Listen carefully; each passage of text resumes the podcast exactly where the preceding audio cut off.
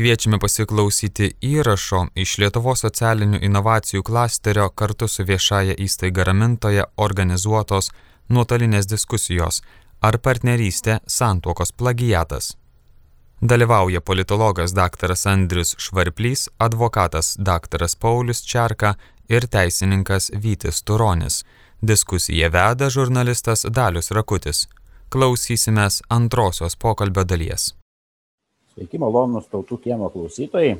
Šiandien pakalbėsim apie garsų į partnerystės įstatymą. Sureaguosiu argumentų, kurį dažnai išgirdžiu iš, iš oponentų šiuo atžvilgiu, tikriau sakant, partnerystės gal šalininkų.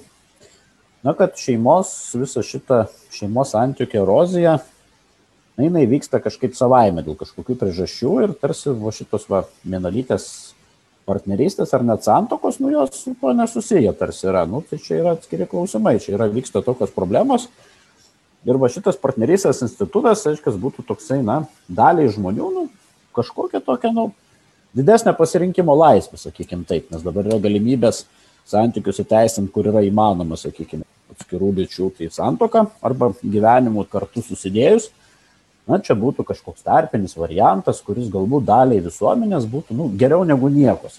O čia va tas šeimos erozija santykių ir, ir visos šitos problemos, ir jos tikrai nėra Lietuvos vien problemos, ko gero pripažinkim, kad turbūt eina visoje Europoje ir ko gero ne tik tai ir išsiplečia jos tarsi yra ir tai dažnai sakoma, nu gerai, nu tai čia jau taip pat taip, čia tos problemos reikės aiškinti, spręsti, ten jos įvardinimas, tai tiesą pasakius toks vaizdas, kad apie jas pakalbama, bet nei kažkas labai nori gilintis, nei kažkas labai nori jas tam spręsti, bent jau iš tokių, sakykime, iš valdžios pusės, tą girdžiu iš valstybės, jeigu taip pat metus visus lozungus, kažkokios tokios vizijos, ką šitoje situacijoje daryti, tarsi yra situacija pasikeitus, yra kitos realijos, na ir reikia kažkaip prie jų mums taikytis ieškoti naujų kelių, naujų krypčių. Ir visa šita tarsi yra na, natūralios arba progreso, arba kažkokiu tai veiksmų dalis. Ir čia nėra prasmės čia mums dabar kažkokio išskirtinio kelio ieškoti. Žiūrėkim, kur eina išsivyščiusi Europą. Pasižiūrėjus į BVP, ten kažkokius dar laimės reitingus, aš nežinau, ten yra jau daugybė skaičiavimų, žemėlapių, ten daugumai jų propagandinės kilmės, bet kiek, kiek teko pačiam pasidomėti, bet vis tiek yra tas toksai, na, Išradinėkim dviračio, viskas čia yra, mes čia esame atsilikę, dar kažkokiu bandom ieškoti, kabintis į kažkokius čia moralinius dalykus ar kažkokius tai, nu, praeito etapo. Gražią legendą, bet dabar yra kiti laikai, būkim realistais. Čia paprovokavau iš tikrųjų pagrindinis klausimas, o kokia galėtų būti alternatyva, ką mes siūlytume šitoje situacijoje, kad būtų ir šeimos kažkaip tai sugrįžtų, kad žmonės pamėgtų šeimas iš kitos pusės, galbūt yra tikrai tų žmonių ir tos pačios na gal homoseksualios, ta prasme, pakraipos, kurie, na irgi galbūt norėtų būti laimingi kažkaip, tai nu, turėti kažkokias teisės aplankyti draugą ligoninėje arba, arba kažkur tai kažkokius paveldėjimo klausimus spręsti. Ką mes siūlom, tai pasakyti, ką jūs siūlote, tikriau sakant, man atrodo, situacija. Tai yra truputį toksai ir netruputį, bet iš tikrųjų didelis gudravimas. Ta prasme, kad visi tie sužinojimai ligoninėse, pranešimai, taip, paveldėjimo tie klausimai, tie visi tokie būtiniai klausimai, aš turiu minį bendro gyvenimo, kad ir tarp tos pačios lyties atstovų, tai jie sprendžiami aiškiai techniniais civilinio kodekso pataisimais. Bet ne šito yra siekiama. Ne šito yra siekiama. Čia yra vienas didžiausių mitų iš tikrųjų kad e, štai mes norime, aš kaip sakiau, ten ligoniniai gauti savo partnerio ar ne partnerės, vienu žodžiu, duomenis ar ne, ten paveldėjimo klausimai. Ne, ne, ne, čia ne tie klausimai. Jie nori šeimos, reikia dėti šitą kortą ant stalo, ją atversti ir aiškiai sakyti. Ir nesislėpti nei už partnerysčių, nei už civilinių kodekso techninių tokių, reiškia, pataisų. Jie nori šeimos, o su šeimos įteisinimu, su tos pačios lyties šeimos įteisinimu, įsivyrauja moralinė makalynė, įsivyrauja grėsmė konstitucinėms laisvėms. Ir dar pridėčiau trečią savo tokį argumentą, kad net jeigu jūs, jūsų argumentas būtų, reiškia, teisus daliu, ar ne, kad jau progresas, jau visuomenė pasikeitė, jau šeimos nebeveža, veža visokiausios seksualinės ir bendro gyvenimo saviraiškos, tvarkoj. Bet kodėl tas saviraiškas reikia įteisinti daugumos sąskaitą? Jūs man tada atsakykite dalį ir jas įteisinti tokiu biurokratiniu buldozeriu, teikiant tą projektą, teikiant paskubomis. žinant, kad didžioji dalis visuomenės tam nepritarė naudojantis oportunistinėmis politinėmis situacijomis, kai balsuojantis prieš tą įstatymą yra karantinuose, būtent teikia specialiai, kad galbūt pralysim pro tą adatos vaskilutę. Čia yra nedemokratinis būdas, necivilizuotas būdas ir todėl kelia papildomų abejonių tiek autorių intencijomis, tiek ir atitinkamai na, moraliniu kodeksu, tiesą sakant. Nes jeigu siekiama sutarimo, tai tas sutarimas gali būti pasiektas ne biurokratiniu buldozeriu, bet demokratiniu būdu. Ir kaip jau kažkas iš mūsų sakė, kad e, yra šalių, kurios įteisino tos pačios lyties šeimas referendumą, aš tokia žinau tik tai vieną šalį, tai yra Airija. Visos kitos šalis jos įteisino arba na, parlamentiniu būdu, arba teisminiu būdu. Nėra iš tikrųjų pilnas demokratinis legitimumas šituo atveju. Referendumas yra pilnas demokratinis ir konstitucinis legitimumas, nes mūsų konstitucija devintų straipsnių imperatyviai nurodo, kad svarbiausi tautos gyvenimo klausimai sprendžiami tik referendumu. Tai, nu žodžiu, daug yra mitų, daug yra pusiau tiesų. Viena iš didžiausių pusiau tiesų yra aišku, kad šeimos institutas yra, Ta prasme, jisai dėl modernizacijos, industrializacijos, saviraiškos dėl ekonominių, karjeristinių visokiausių galimybių šeima jau vis mažiau ir mažiau laikoma savaiminė vertybė, tuokėsi vis vyresnio amžiaus žmonės, vis mažiau gimsta vaikų ir taip toliau ir taip toliau. Yra tokių pusiau tiesų, bet nereikėtų slėptis už tokių techninių dalykų, kad mes dabar nenorime šeimos, nenorime įsivaikinimo, mes norim tik partnerystės. Aš manau, tai yra politiškai nesažininga, nes yra norima šeimos, yra norima įsivaikinimo, yra norima viso paketo pripažinimo to, ką turi ir normali įprasta šeima. Ir todėl mes turim tai ir įvertinti, ar, ar tai mums apsimoka žaisti tokius argumentus, juolab, kad turinys projekto į partnerystę yra, kaip jau teisininkai išaiškino, viens prie vieno identiškai paimtas iš šeimos instituto. Taip, visi pagrindiniai esminiai požymiai, skyrus įsivaikinimą, yra paimti iš šeimos institutų iš civilinio kodekso ir konkrečiai iš konstitucinio teismo išaiškinimų. Na, sakyt, kad mes čia tik tai norim partnerystės, o mes daugiau nieko nenorim, na, tai yra politinis melas. Tiek trumpai. Dėkui, Pauliau. Tai iš karto toksai klausimas, iš tikrųjų, kodėl tokiu keliu nueiti, kodėl nebuvo galima atvirai, sakykime, siekti, kaip Jūs manot, na, žmonės suinteresuota pusė, jie atstovaujantys, sakykime, Laisvės partija, tarsi, kuri, na, ir nu, imasi atstovavimo, ta prasme, šitos visuomenės dalies, kodėl ne atvirai, kad žmonės, mums reikia šeimos, mes norim šeimos, mes norim įsivaikinti, mes norim to ir, ir, taip toliau, ir taip toliau. Kodėl va tie tokie vyksta, būtų pirmas klausimas, tokie kažkokie užkulisiniai žaidimėliai. Ir antras klausimas, man atrodo gerai, Laisvės partija čia kovoja, ta prasme, jinai eina, dirba savo rinkėjam ir, ir, ir nu, pakankamai efektyviai atrodo dirba, nors įstatymą ir nepavyko praeiti. Bet turim didžiasias partijas, nu, didžiausią rinkimų laimėtoją, tokia va, tevinė sąjunga, kuri, na, kaip ir, kaip sakyt, kuri dauguma irgi remia, eina, nors žino, žino, kad palaikymo nėra ir ta prasme ir praras reitingus, kodėl neveikia tas vadinamas populizmo dėsnis ar kaip bandymas įtikti savo rinkėjim, bet čia kažkaip einama priešinga kryptimi. Kodėl taip daroma, galbūt taip irgi paklausiu, čia gal nutolsti nuo teisinių dalykų, einam į kažkokią politinę temą, bet aš labai tada va, trumpai, nes aš nenoriu čia uzurpuoti reiškia, viso laiko, bet iš mano ir tyrimų, ir stebėjimo aš galiu pasakyti vieną dalyką. Globalizuoto ekonomikoje ir politikoje jau susiformavo atitinkama politinė klasė, kuri pasižymė ypatingą panieką demokratijai. Todėl atsakymas į šitą klausimą jūsų dalių yra labai paprastas iš esmės. Yra ne tik, kad netikima politiniu atstovavimu, yra ne tik, kad netikima žmonių atstovavimu, tai va daugumos principo atstovavimu, yra žiūrima į daugumą su didžiulė paneka. Ir tą mes puikiai pamatėme šeimos maršo kontekste čia Lietuvoje.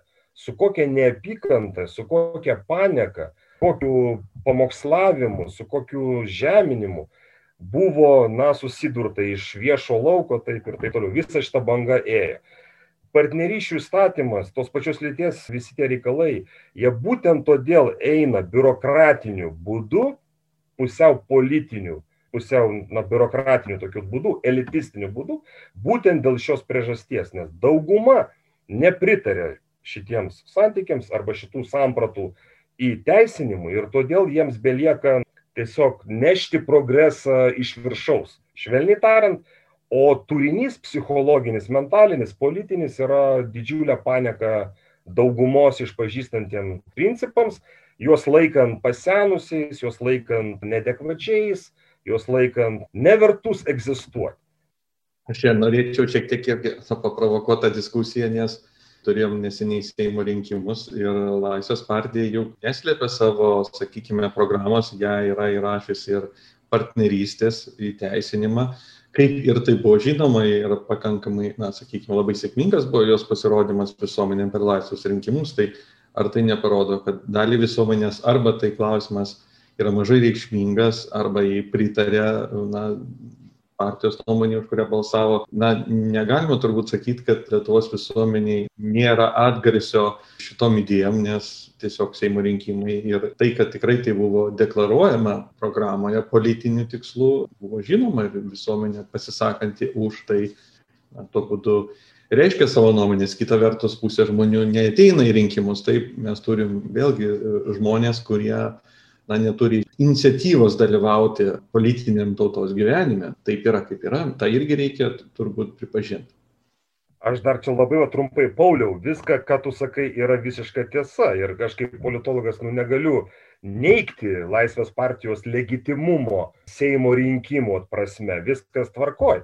Bet yra vienas toks skaičiukas - 4,39 procento. Tiek Laisvės partija gavo balsų nuo visų rinkėjų skaičius vėlgi jisai nepaneigė teisės laisvės partijai propaguot gint ir vykdyt savo rinkiminius pažadus jis nepaneigė bet jisai vis dėlto sukelia papildomų legitimumo klausimų. Ir galbūt tuos papildomus legitimumo klausimus ir stengiasi arba galėtų papildyti nepakeist bet tiesiog papildyti viešosios nuomonės apklausos. Ir jos vienareikšmiškai sako kad absoliuti didžioji visuomenės dauguma nepritaria laisvės partijos programai. Ir čia atsiranda mano minėtas politinis biurokratinis buldozerio principas. Nors formaliai laisvės partija yra valdančioj koalicijoj teisėtai čia viskas tvarkoj ir tu teisus visiškai bet vis dėlto žiūrint giliau papildomų legitimumo klausimų kyla Tai aš nežinau, kiek čia mes dar galim šitą klausimą gvildenti, bet iš tikrųjų labai svarbu turbūt visada atsiminti, kad tikrai labai dažnai linksniuojama Laisvės partija yra mažasis partneris koalicijoje. Gerai, kadangi koalicija yra trapi, tai jis yra reikšmingas ir įtakingas partneris, tačiau nepaisant to visgi mažasis. Ir man atrodo, yra Seime politikų, kurie labai sąžiningai kai kada pasako tam tikrų dalykų ir man teko klausyti vienos žinių radio laidos, kur, jei neklysto, ponas Sysas pasakė irgi vėlgi vienu sakiniu, bet labai labai gerai apie visą šitą diskursą ir kodėl tam tikri politikai elgesi būtent taip. Jis pasakė, sako, mylite Europos pinigus, mylėkite ir vertybės. Ir iš tikrųjų didelė dalis šitų klausimų yra susiję būtent su pinigais, su, su tarptautiniu spaudimu ir mūsų politikai, kurie, sakykime, dar prieš, sakykime, keletą metų kėlė konstitucijos keitimo įvairius projektus, balsavo tas pats Andrius Kubilius ar kiti žmonės iš Tevinės sąjungos, šiandien jau iš Europos parlamento, na, kalba kitaip truputėlį. Ir tas pokytis, jis be abejonės, nereiktų jo turbūt priimti taip labai nuoširdžiai. Aš nemanau, kad tų žmonių sąmonė na, yra kažkoks įvykęs lūžis, ne, bet politikai labai dažnai žaisdami tuos politinius žaidimus, jie tiesiog pasirenka, pajausdami, kur yra galios centras, kur yra didesnė įtaka, kur galima užimti kažkokią palankesnę poziciją. Ir skiriasi tik tai mūsų galbūt vertinimai šitoje situacijoje. Aš galbūt irgi likčiau prie to, kad man yra svarbi tauta, man yra svarbu mūsų nacionalinis suverenitetas Ir kada aš matau, kad vis daugiau ir daugiau tų galių ir kompetencijų atiduodama kažkokiem tai virš nacionaliniam institucijom, virš nacionaliniam nieko nerinktom, kad, reiškia, kažkur tai kitur sprendžiamas mūsų valstybės likimas, o ne mūsų parlamente, tai negaliu džiaugtis tuo. Ir nuoširdžiai norėčiau, kad mūsų politikai turėtų daugiau politinių ambicijų. Iš tikrųjų, kontaktuoti su tauta, susirišti su tauta net jeigu ta tauta ir iš tikrųjų daug ką galima jai prikišti ir, ir atskiram jos nariui. Ir aš, pavyzdžiui, nedalyvavau šeimos gynimo maršė vadinamajam, tačiau žiūrėjau transliaciją, žiūrėjau į, į žmonės, kurie ten susirinko ir, ir taip pat žiūrėjau ir ką rodė spauda mūsų. Ir spauda kai kuriuos žmonių veidus ypatingai akcentavo, kai kurių ten dalyvavusių. Ir aš taip galvojau, tai yra daroma tam, kad kurti neigiamą asociaciją, kad žmonės, kurie žiūrės šitą reportažą, jie galvotų, ar tu nori tapatinti su šitu žmogum, ar, ar tu esi toks.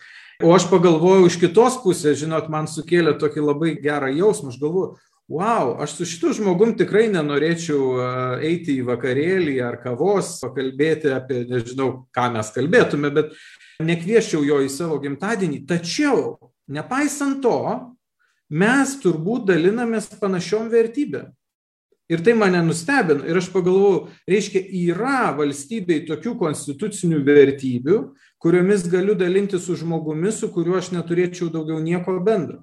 Ir tai mane džiugina šiandien dieną ir mano galva būtent tokios vertybės, kurios galbūt nesilaiko tam tikrų burbulų rėmų mūsų socialinių, reiškia, nepripažįsta autoritetų, jos ir yra ta lipdanti mūsų visuomenę masė, kurios mums šiandien labai trūksta.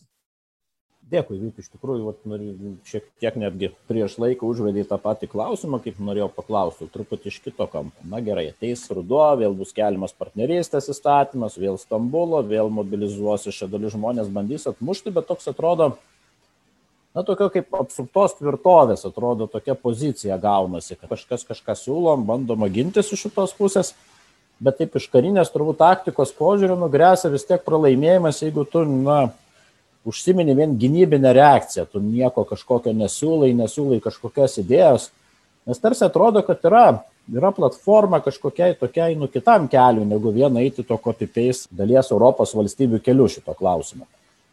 Nes nu, dauguma žmonių tam nepritarė, turim ten, nežinau, bent jau du trešdalių žmonių, kurie tikrai melaitų kitų kelių, bet tie siūlymai tarsi kažkaip nu, nesusikūrė, nei ta jėga tokia vieninga, kuri kažkokią turėtų poziciją, nei kažkokią tokią, na, gilesnę nacionalinę idėją. Turėjom nacionalinę idėją įstoti NATO, Europos Sąjungą, tą tarsi pasiekėm, o paskui atėjo tokia kaip stagnacija, tarsi idėjų nėra arba toks kažkoks, na, nežinau, materialaus, kažkokio malonumų kultūros įėjimas tai būtų klausimas dar pirmas dalykas o ką daryti kad tokie įstatymai neitų sakykim iš tikrųjų? Arba ką daryti kad mes galbūt patys galėtume pasiūlyt didžiajai daliai visuomenės kažkokius palankius įstatymus ir kitus dalykus ir atsirastų ta vizija tokia?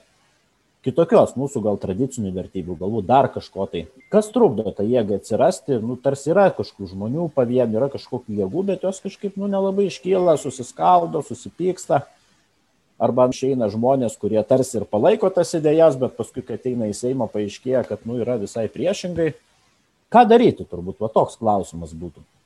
Aliau, aš gal pirmiausia dar sureaguosiu į vieną jūsų paminėtą aspektą, kad ne va tai apgulties mentalitetas ar ne, toksai karas. Bet žinokit, aš manau, jūs čia teisus esat, kad taip, žmonės pradeda jaustis kaip kare, bet aš manau, priežastis yra ta, kad žmonės yra šokę, žinokit šoke dėl tos, kaip jau minėjau, panikos, moralinės panikos į juos. Kaip jau matėm, netgi mūsų 90 metų kovo 11-osios Lietuvos patriarchas išvadino elementarius žmonės, tvarkingus, nepalikusios nei vienos šiukšlelės Vingio parke, išvadino rūpūžėmis, gyvatėmis ir reptilijomis. Tai žmonės yra šokę, kaip jie yra vadinami iš mūsų politinio elito pusės. Žmonės yra šokę, kaip žiniasklaida šališkai juos reprezentuoja arba kokius melus skleidžia. Tai aš manau, ta karo savoka, aišku, jinai yra per didelė, per riebi, per stipri, bet tas konfliktas pavadinkim jį taip jisai remiasi žinokit objektyvias tendencijas į objektyvius parametrus kaip politinio elito panieka žiniasklaidos neobjektyvumas o tendencingumas. Ką jau kalbėt apie mūsų nacionalinį transliuotoją kuris vienreikšmiškai stoja į antikonstitucinių sampratų pusę ir viešajame lauke užsiima tokia veikla kuri šiaip jau būdinga propagandinei institucijai o ne žiniasklaidos sampratą. Tai aš į tam norėjau šitai va sureaguoti, kad žmonės reaguoja natūraliai, žmonės bunda, jie pradeda matyti su kokiu šališkumu, su kokia panieka, abejingumu ir nesiskaitimų jie susiduria, tai čia vienas momentas. O dabar ką daryti, tai man atrodo neatsiemas klausimas, o ką mes paveldėm. Juk mes neklausiam, ką daryti atsiradę 21 metais. Mes paveldim 31 metų politinį ekonominį procesą vis. Šitas procesas jau pasižymėjo ir jis gilėjo demokratijos deficitų realiai. Mūsų politinės partijos kuris laikas neatspindi savo elektorato preferencijų. Ir mes šitą visą įdirbį 31 metų mes paveldėm. Ir dabar reikalauti iš visuomenės, kad staigiai mes čia susivienytumėm ir kažkokius tai siūlytumėm super duper išmintingus politinius teisinius projektus, yra nerealu. Žmonės tik pradeda būsti, pradeda atsipeikėti iš tokių šokų, kaip dar nepaminėjau, kad ilgametė konservatorių partija buvo traktuojama bent jau jų elektorato kaip sąjūdžio natūrali tesėja. Taip, sąjūdis juk įkūrė 93 metais konservatorių partiją. Bet dabar žmonės pradeda praregėti, kad konservatorių partija su konservatizmu neturi nieko bendro. Ir jų lyderiai, na, palaiko visą tai, kas yra priešinga konservatizmui. Ir aš nesakau, kad žmonės yra labai išprūsę atskirti konservatizmo ideologijos visokiausius ten niuansus. Bet aš sakau kad jie tik dabar pradeda pamatyti dar labiau įsitikint kad praktiškai jokia politinė jėga adekvačiai neatstovauja savo elektorato ir aš čia ne tik tai neigiamai kalbu apie konservatorių partiją. Matom kas yra kitoje pusėje. Yra socialdemokratai kurie stūmė darbo kodeksą naująjį prieš kelis metus kuris iš esmės gynė darbdavių interesus. Tai irgi yra išdavystė realiai savo elektorato.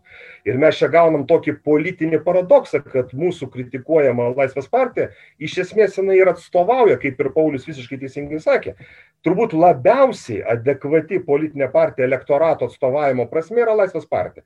Jis deklaravo savo siekius prieš rinkimus, jinai juos nuosekliai dabar gina, bet čia problema ir prasideda, o nesibaigia, kad atstovaudama šitos principus vertybės, jinai atstovauja ypatingai mažą dalį lietuvių visuomenės ir jos atstovaujamos vertybės ir principai išbalansuoja daugumos, tai yra konstitucinius mūsų principus. Va čia yra didžiausia problema. Bet politinio reprezentavimo prasme Laisvės partija yra nuosekliausia, bet jai ir lengva tokia būti, nes jinai dar labai nauja politinė organizacija. Bet sakau, jos šitas nuoseklumas nublanksta prieš tas problemas, kurias sukelia. Tai va, tai ką daryti, tai aš manau dabar lietuvių visuomenė, nu tarkim taip, arba elektoratas, arba politiškai, pilietiškai aktyvi visuomenės dalis, jinai dabar yra paieškose. Ir jūsų dalio klausimas yra nepaprastai geras ir teisingas, bet jis yra per ankstyvas, kad ir kaip paradoksaliai tai skambėtų. 31 metai praėjo, bet pasikeitė epocha, mes žengėme į naują paradigmą. Lietuvių visuomenės, lietuvių politinės konstitucinės santvarkos prasme. Ir vienalyčių santokų įteisinimas, mano supratimu, iš esmės pradeda keisti visą konstitucinę paradigmą ir mes įžengėme naują politinę erą ir įžengdami į tą erą mes natūralu kad mes neturim kaip sakiau tokių kaip iš skrybėlės ištrauktas zuikis superinių sprendimų. Mums juos dar reiks atrasti. Bet aš manau žiūrint labiau techniškai jau projektas juk yra paruoštas bendro gyvenimo ar ne vienalytėms poroms. Šitas projektas seime jau guli bet kažkodėl laisvės partijos žmonės atstovai jie nenori šito projekto o nenori kaip jau mes ir šiandien jau sakėm būtent todėl kad jie nori būti traktuojami lygiavertiškai kaip ir šeima. Būtent todėl jie nenori jokių bendro sutarimo formų. Tai reiškia dėl ateities aš manau ir tas šeimų maršas jisai labai tipiškai parodo kad lietuvių visuomenė gyvena ant slenksčio perėjimo į naują politinę erą ir už tai kad tai vyko chaotiškai tai vyko visiškai neorganizuotai iš viršaus nieks už šeimų maršo kaip pasirodo nestovėjo kaip mes buvome gąsdinami ir demonizuojami taip kad neva tai neikim į šeimų maršą nes tenais yra rusija gazpromai kas tik ten nori naciukai buvom ar ne vos ne breivikas tuoj ateis iššaudys vingio parke visus. Ir tokio lygio buvo. Ir tai beje seimo nario buvo žodžiai tai šito judėjimo visa evoliucija rodo kad lietuvių visuomenė dar tik pradeda busti politiškai ir politinio sugyvenimo projektų dar reikės manau truputį palaukti Dėkui, iš tikrųjų geros išvalgos, truputį mes jau nuėjom gal į politinį lauką, sugrįžkim prie tautų kiemo idėjos. Pirmas būtų gal klausimas tada, ar įmanoma kažkoks kompromisas. Dabar buvo partnerystės įstatymas, jisai buvo atmestas mylių tarpu, bus dabar bendro gyvenimo susitarimas, nu turbūt, kad nu, daug šansų, kad toks pat likimas jo išliks. Ar įmanoma šitoje vietoje susitarti visom šitom pusėm, ar įmanomas, nežinau, teoriškai, gal labiau praktiškai susitarimas ir koks jis galėtų būti. Ir kitas klausimas, minėjot labai dažnai, kad yra demokratijos krizė kad yra toksai, nu kaip sakyti, negerbimas ir daugumos, kaip paskatinti tą dialogą, kaip sumažinti priešiškumo, pykčio, nes nu, mes dabar matom tikrai ta fragmentacija yra pakankamai didelė, dar aišku, pandemija savo padarė ir, ir socialiniai tinklai turbūt ne paskutinį vaidmenį padaro, kai sudeda panašiai mąstančius žmonės į vieną burbulą ir tada susiformuoja nuomonė, kad nu visi taip galvoja arba dauguma taip galvoja. Tai turbūt ir būtų pirmas, ar įmanomas kažkokie kompromisai tokie iš tikrųjų dabartiniam realijom ir kokie jie galėtų būti partnerystės įstatymo arba bendro gyvenimo susitarimo kažkoks nujungtinis, nežinau. Visus tenkinantis daugiau mažiau projektas ir, ir kitas dalykas, kaip mažinti susipriešinimą. Tas toks vaizdas, kad tas skaldimas toks tautos kažkoks gaunas vis tiek susiskaldimas ir, kažin ar duos gerų rezultatų. Pauliu iš to, taip iš to paklausim, labai ilgai sėdim, Pauliau, gal ką nors jūs pasakytumėte. Tai iš tikrųjų, ta prasme, kompromisas, manau, kad yra įmanomas ir politika, yra kompromisų kelias, geri politikai ir turėtų sugebėti rasti tos kompromisus. Teisininkai tik siūlo formas, jie tikrai negali na, surasti to galutinio kompromiso ir tos formos yra ir tokios vienoje pusėje sakykim yra partnerystė arba jos tolesnis virsmas į vienalytę santoką, kaip ir neišvengiamas teisinis kelias. Kitoj pusėje yra tai, ką reikia atsakyti žmonėms, kurie veda vieną ūkį.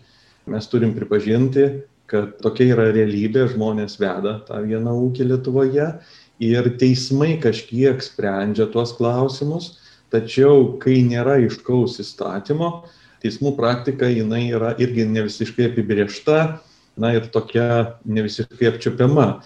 Akivaizdu, kad yra spraga reglamentavime būtent tokio gyvenimo subalansavimas.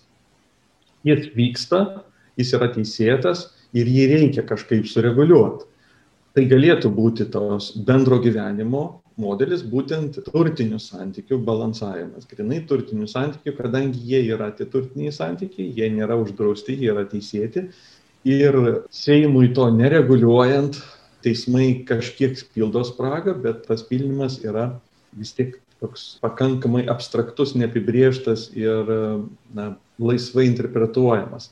Gali būti, todėl šalis tiksliai ir nežino, ko jam tikėtis iš tokio gyvenimo. Todėl toj vienoj pusėje ir būtų iniciatyvos turbūt politinės spręsti turtinius santykius per bendro gyvenimo institutą. Kitoj pusėje yra viršijantis turtinius santykius reguliavimas, tai yra iš esmės na, šeimos santykių viena iš formų - partnerystė.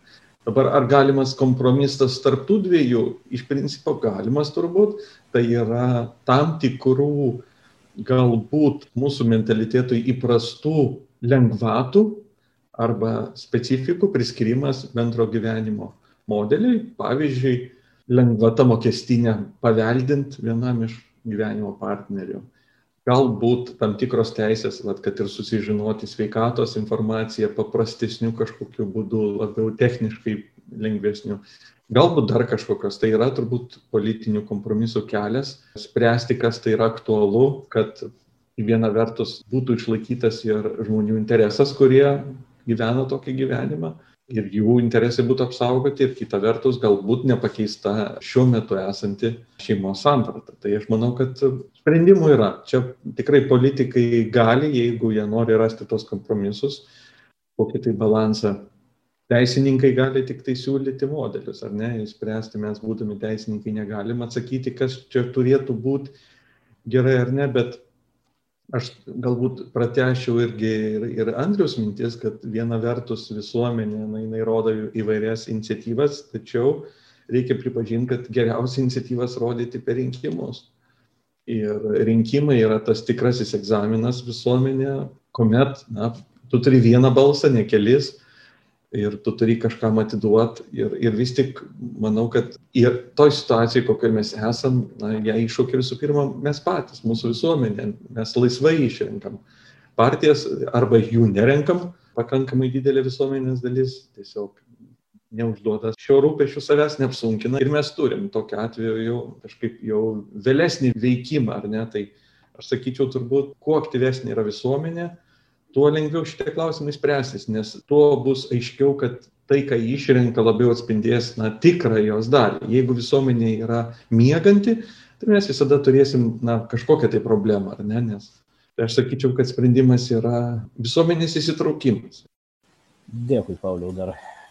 Tai nežinau, daliau, jeigu galima, aš dar tada papildyti šiek tiek, tai iš tikrųjų susitarimas dėl bendro gyvenimo na, gali būti kompromisinis variantas, sprendžiant vat, praktinės problemas kartu gyvenančių asmenų ir, ir matant, kaip įstatymų leidėjas plačiai numato asmenų spektrą, kuris galėtų sudaryti tokį susitarimą, tai iš tikrųjų niekam nekyla abejonių, kad ten apie jokius šeimos teisinius santykius nėra kalbama.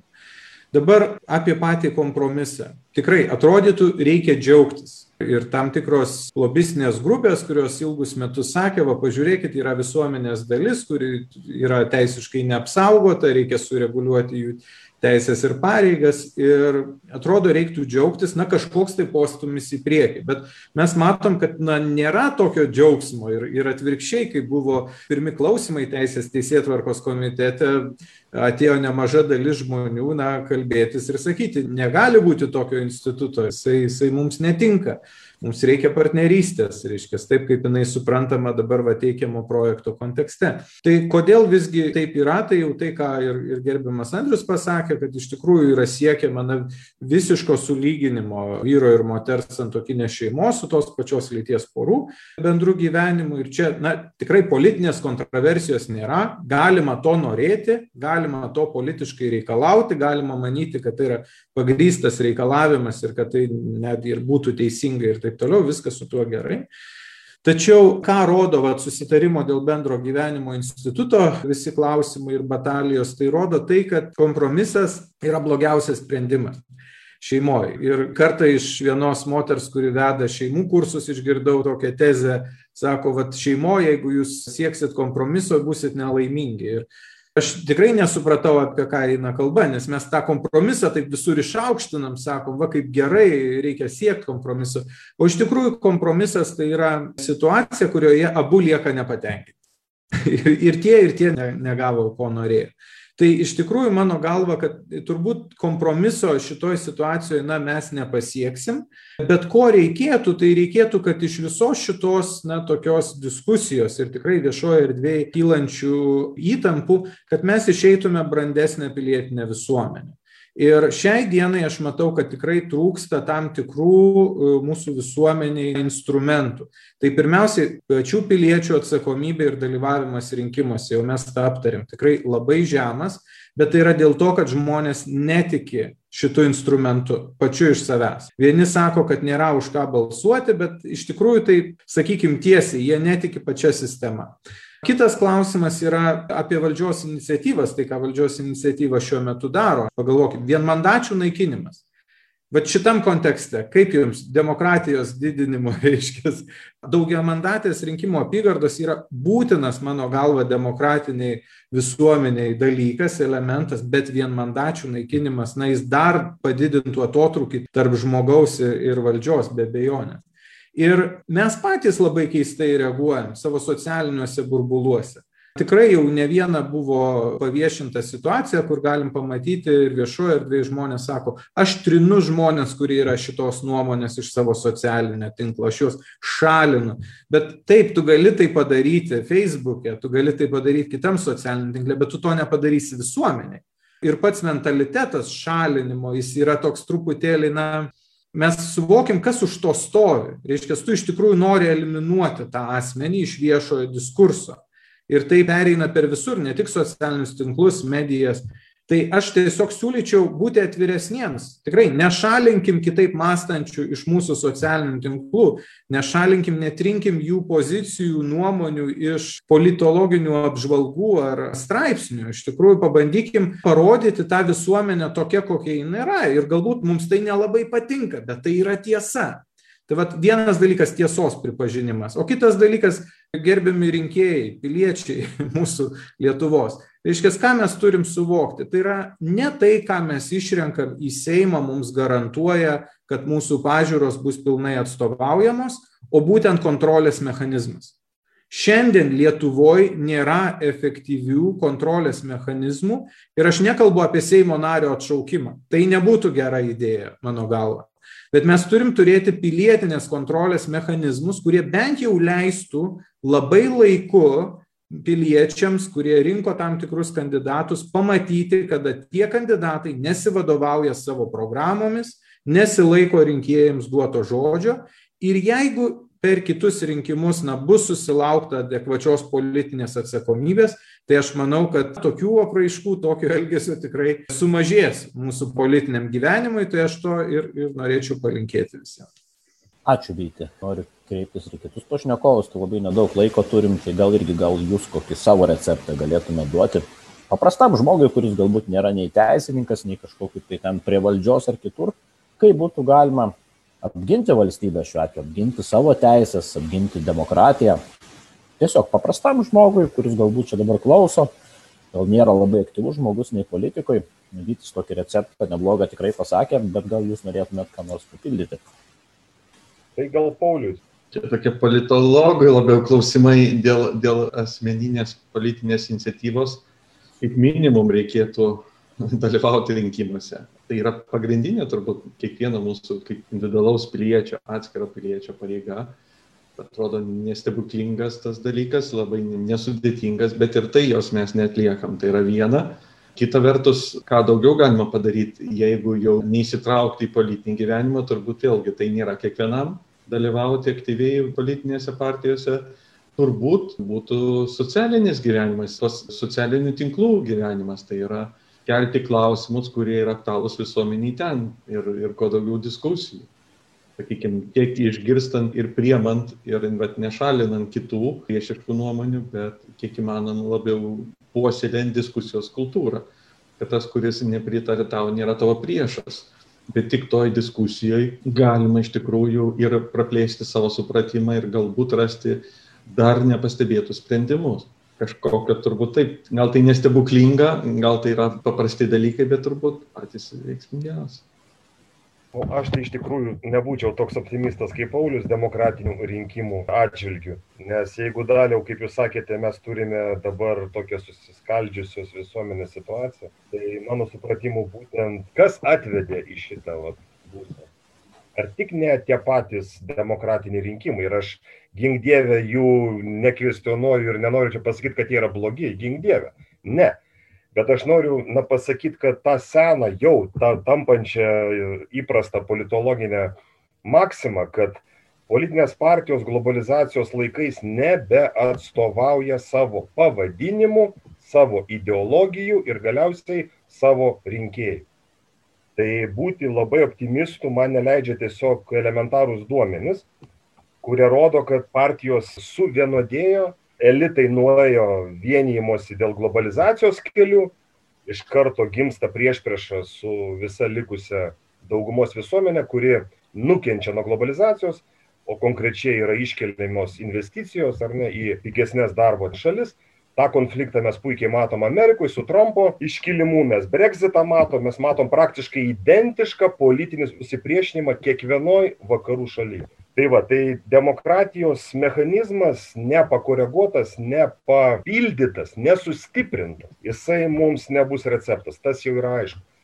Reikia papildomų receptų arba, kaip Vytis, man atrodo, puikiai čia pasakė, reikia papildomų demokratinių politikų kontrolės mechanizmų. Ir jeigu tokie siūlymai eina, kaip irgi Vytis puikiai čia atkreipė dėmesį, eina siūlymai naikinti vienmandatės, tai čia yra dar labiau globalizuotos politinės klasės savisauga. Čia ne mes tada, kaip Dalius sakė, einame į, į savizolaciją ir, ir tokią uždarą gynybinę poziciją, o eina elitinė klasė į uždarą savizolacinę valdymo poziciją. Mes gaunam priešingą postumį ir, ir su ES valdymo tendencijomis. Visi analitikai jau pritarė, kad ES sutechnokratiškėjo, subiurokratiškėjo ir tą mes matome labai daugelį politikų sričių. Tai čia toksai bendras toksai kontekstas. O nusileidžiant ant žemės, mano supratimu, gyvenimas nėra politika ir politika nėra gyvenimas. Gyvenimas yra darbas, šeima, vaikai, draugai, kaimynai, asociacijos. Čia yra gyvenimas. Ir žmonės tą instinktyviai jaučia, kad svarbiausia dalykai gyvenime nevyksta rinkimų metu, nevyksta Seime, nevyksta socialiniuose tinkluose, vyksta, na, va, tose srityse, kur aš išvardinu. Ir turbūt tas pats kilnus individualizmas, asociacijos, va tos draugystės atstatymas, va šitie žmogaus gyvenimo klodai, jie yra ta bazė, ant kurių stovi kiekvienas žmogus. Ne rinkimai yra ta bazė, ne Seimas yra ta bazė, nenuvertinant jų reikšmės, be jokios abejonės mano supratimu šitas procesas vyksta ir aš optimistas, kad visuomenė fragmentuojasi, bet tuo pačiu ir asocijuojasi naujai, nes įprastos politinės asociacijos jau nebeveikia. Sotsdemai jau nėra sotsdemai, konservatoriai jau nėra konservatoriai, krikdemų nesimato, tik tai paskutinių judesių, ar ne, iškilo 13 krikdemų. Vienu žodžiu, asociacijos turės pradėti formuotis naujais pagrindais. Ir aš manau, čia ir yra mūsų kelias, kaip ir eina kitos Europos šalis, įskaitant ir Ameriką. Šitoj vietoj aš optimistas. Ačiū Andriu, tai ta tokia optimistinė gaida turbūt nepamirždami dar noris kaip moderatorių pridėti turbūt buvimo tiesoje, tikėjimo ir kitų tokių pamatinių dalykų, kurie, na, iššūkių tikrai per tūkstančius metų turėjom visokių, bet kažkaip mus išvedė visą civilizaciją. Taigi mūsų tautų kieną šiandien kalbėjo Paulius Šerka, vadovų docentas advokatas, Vytis Turonis, teisininkas, ateitininkų federacijos prezidentas ir Andrius Švarplys, vadovų politologas.